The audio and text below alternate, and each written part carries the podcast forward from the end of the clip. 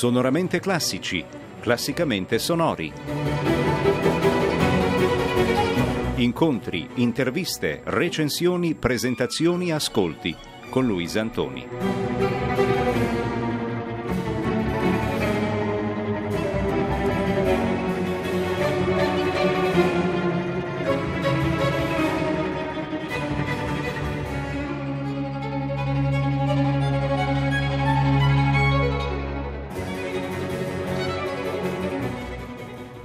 Cari ascoltatori ed ascoltatrici, bentornati. Oggi sarà nostra ospite la pianista Agnese Tognutti, che ha recentemente pubblicato un CD con la label americana Neuma Records. La Tognutti è una musicista curiosa che ha fatto numerose ricerche sul repertorio pianistico, delle ricerche incentrate soprattutto sul concetto del suono. E il suo ultimo CD è uscito ufficialmente il 16 aprile. Per iniziare con un breve ascolto dal CD ho scelto un frammento da Man in Field di Philip Corner.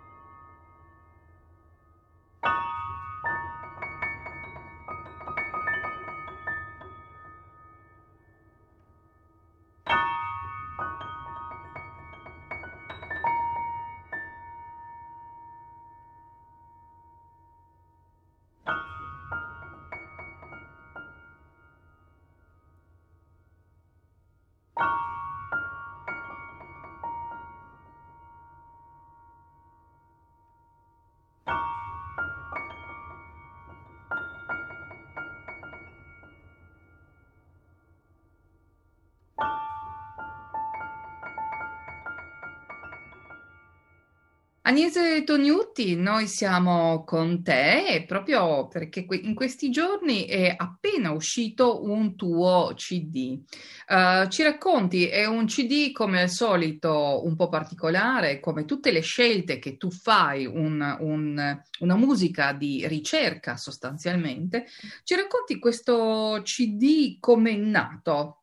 Allora, eh, è nato eh, con un, un'idea comune, ovvero quanti suoni si possono produrre su un pianoforte senza usare la tastiera. Eh, infatti, tutto o quasi, insomma, la maggior parte dei, dei pezzi scritti sono eh, scritti per le cosiddette tecniche estese al pianoforte, eh, ovvero mh, tutte le, le possibilità sonore, eh, timbriche, Mm, che, che, possono esserci eh, sollecitando le corde, eh, sollecitando la cassa armonica, mh, mm, il telaio eh, e chi più ne ha più ne metta, insomma lì è soltanto una questione di, di creatività.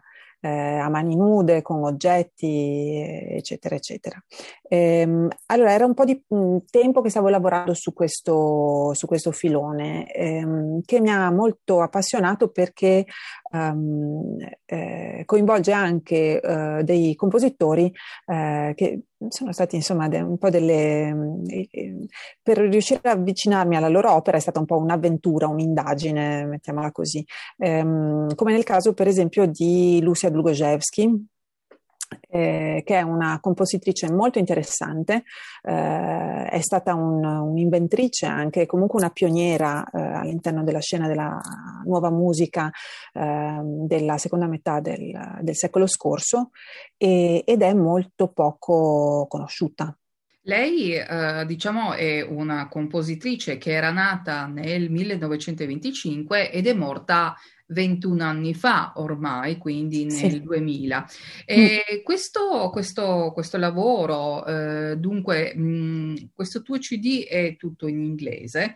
Uh, sì, lo definite timbre piano, uh, quindi sì. Co- come si tradurrebbe questo in italiano e cosa significa esattamente per quanto riguarda il, le, le, il suo lavoro, per questo lavoro della Lucia Glugosewski. La eh, definizione di timbre piano è stata data da un critico newyorkese che ha sentito la Glugosewski in uh, concerto, stiamo parlando del uh, metà degli anni 50.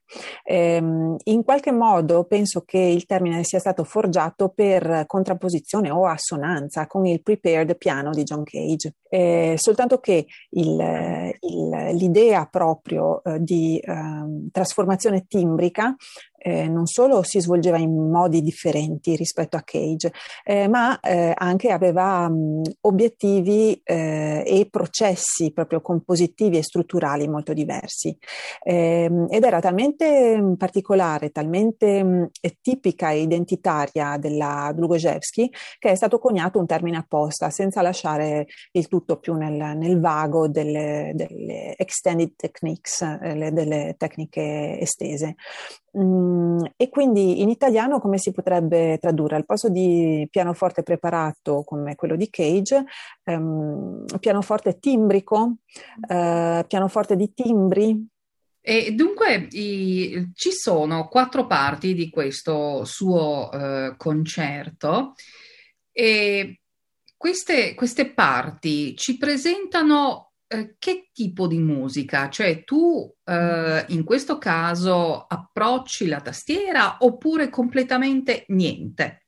Dunque, io della tastiera suono nel totale dei 18 minuti di musica di, di questo pezzo, eh, suono i tasti, mm, uh, suono quattro tasti in totale, no, sei. Ehm, sì, un totale di sei tasti del pianoforte, diciamo, alcuni ribattuti, alcuni singoli. Ehm, secondo te la strutturazione, cioè quello che lei aveva in mente, mm. che tipo di, uh, di, di mh, struttura musicale? Perché noi, ad esempio, quando pensiamo alla musica, che ne so, musica per pianoforte, ci viene in mente Beethoven e Beethoven ha tutta una serie di eh, percorsi, percorsi ben chiari che ci portano da un punto all'altro. Lei che tipo di proposte ci fa? Cioè è un pensiero strutturato, è un pensiero improvvisativo? Che tipo di, di lavoro fa? Ricostruire esattamente il tipo di lavoro non è semplice, eh, i documenti che sono riuscita in modo un po' rocambolesco a, eh, a recuperare, sui quali studiare, eh, sono dei documenti parziali, quindi un, una volta che quanta, eh, tutto quanto il corpus di opere, sia musicali che teoriche, perché era una ehm, raffinata pensatrice nei suoi scritti, ci sono spunti interess- interessantissimi dal punto di vista filosofico e estetico, ehm, scrive cose molto molto belle, con una, con una, lingua per quello che io posso cogliere da italiana, eh, molto molto piacevole, molto poetica e analitica nello stesso tempo.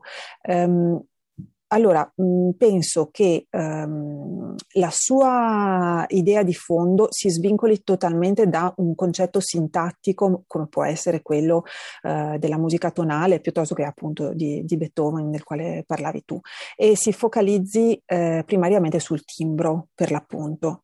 Um, nello stesso tempo uh, però il, il tutto non è totalmente aleatorio. Si vede che nasce da una sperimentazione sul campo. Infatti eh, i pezzi per tamburo piano li suonava lei in genere, quindi mh, mm, c'è, c'è, molto lavoro pratico eh, all'interno delle, della, de, eh, della, scrittura e si vede mh, mm, eh, che suonava quello che scriveva. Era il timbro e il fatto che il timbro in qualche modo consentisse di avere una percezione sempre fresca e sempre ehm, meravigliata mh, mm, di quello che si andava ad ascoltare.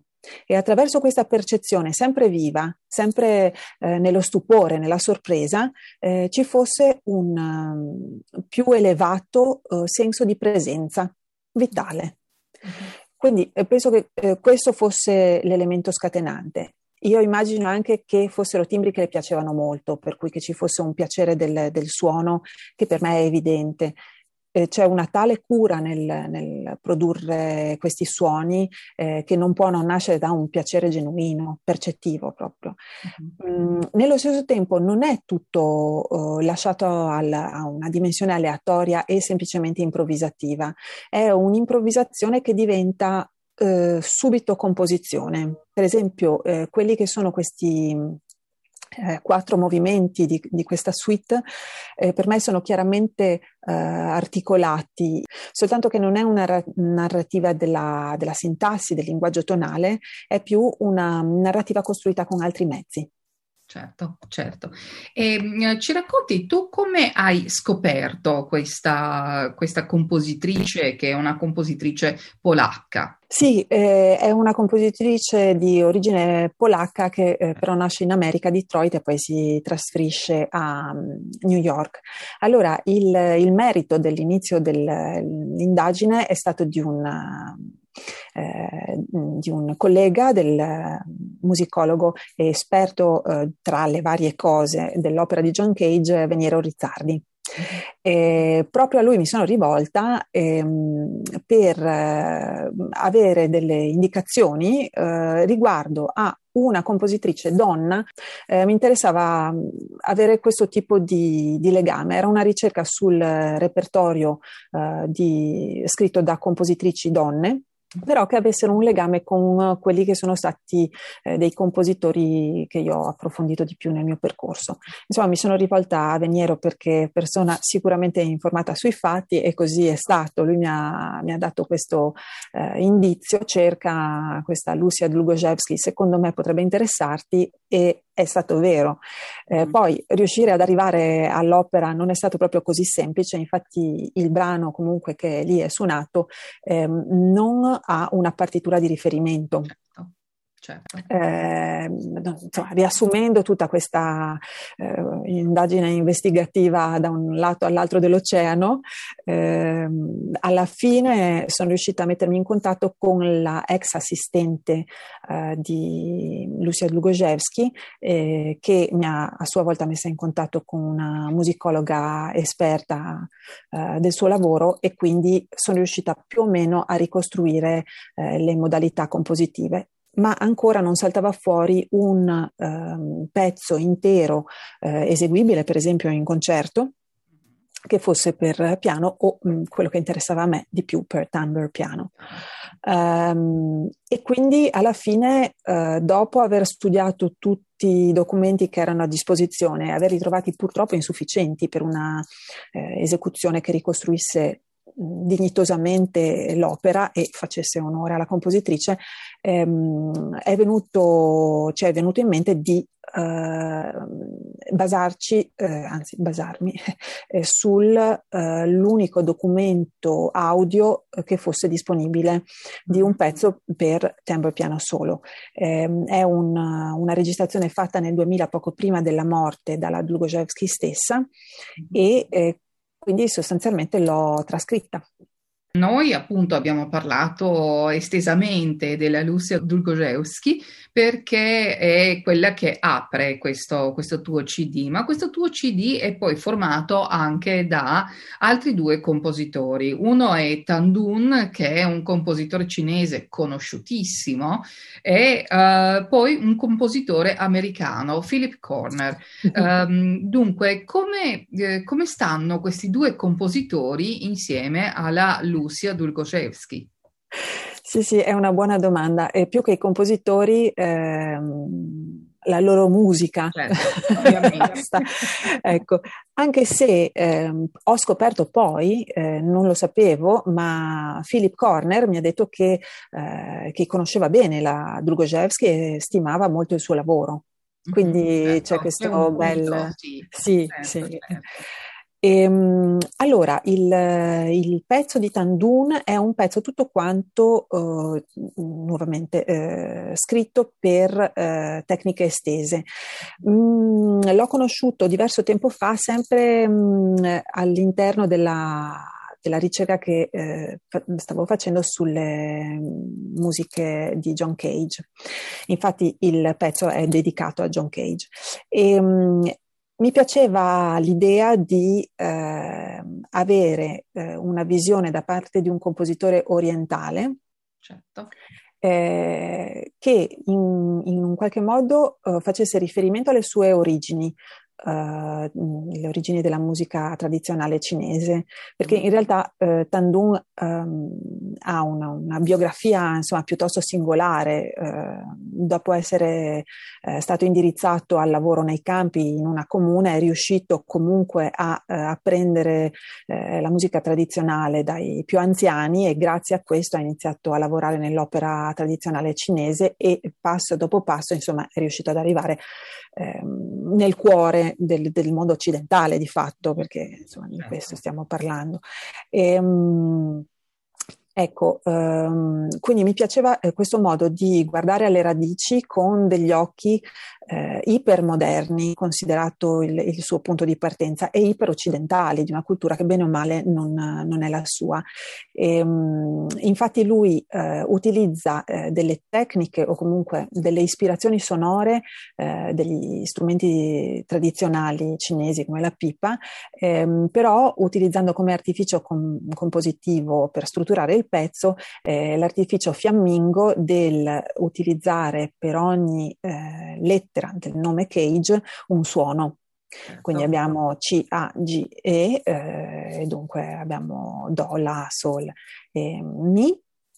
E su questo, su questo microelemento eh, è, è, costruito tutto quanto il pezzo. E, ehm, ed è un pezzo che mi piace.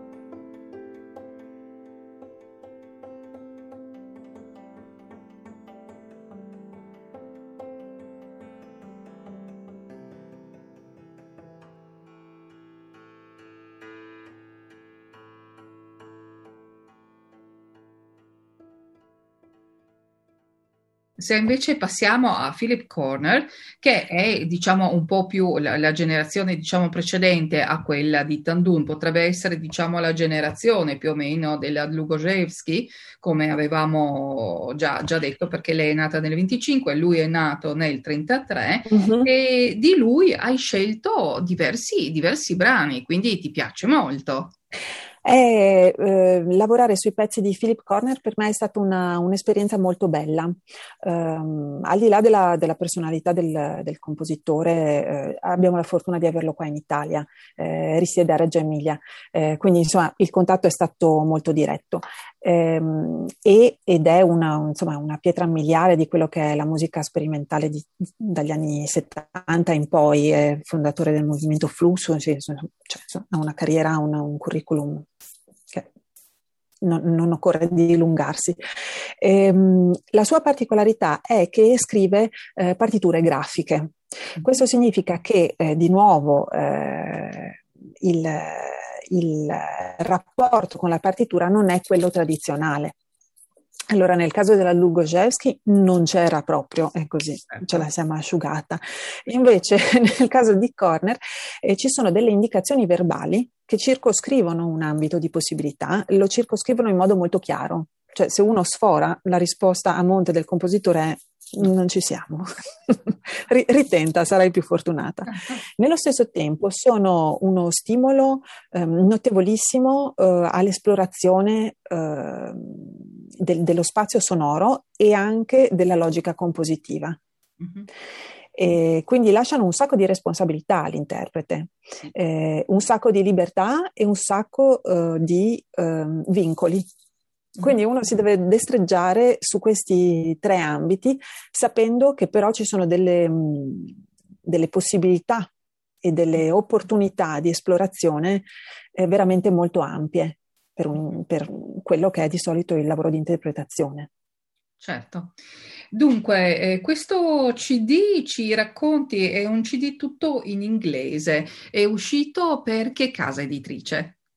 Eh, è uscito per eh, l'etichetta americana eh, Numa Records, eh, che è un'etichetta di musica sperimentale americana. Mm, mi sembrava che ehm, un'etichetta americana fosse la più adatta per un repertorio che di fatto è vero che Tandung è cinese, ma comunque risiede in America da diversi decenni e eh, gli altri due comunque sono, sono compositori americani.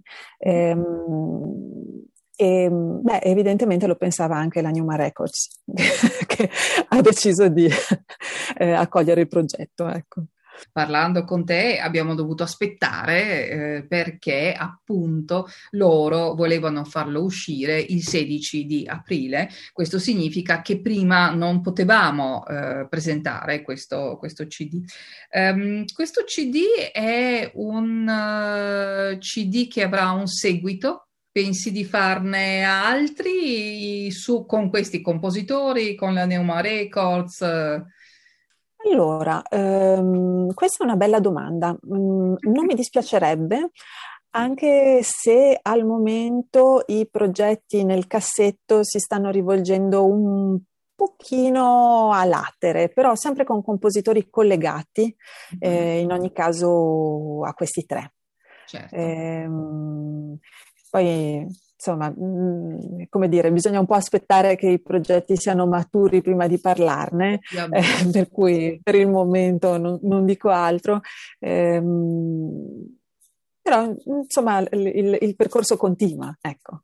Bene, Agnese Tognuti, noi ti ringraziamo molto per averci raccontato questo tuo ultimo CD che si può probabilmente acquistare online do, dove si vuole, eh, quindi sì. ti arriva a casa oppure ci sono anche sulle varie piattaforme che fanno ehm, diciamo, vendono on- online, quindi non semplicemente sì. il CD fisico, ma anche probabilmente i vari, vari sì. pezzi, se uno è interessato. E, benissimo, noi aspettiamo il tuo prossimo CD e siamo molto curiosi del tuo prossimo lavoro. Benissimo, grazie mille dell'intervista e il seguito alla prossima puntata, dunque. Certo.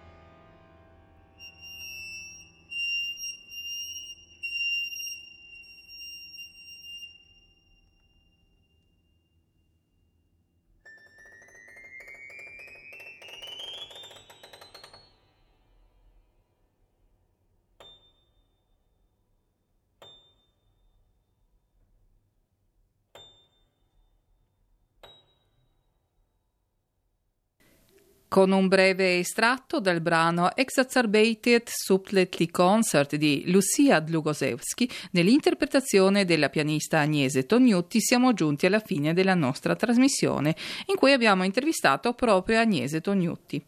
Per chi volesse mettersi in contatto con me, l'indirizzo mail è luisa.antoni-rtvslo.si. Potete però anche scrivere a Radio Capodistria via OF 15.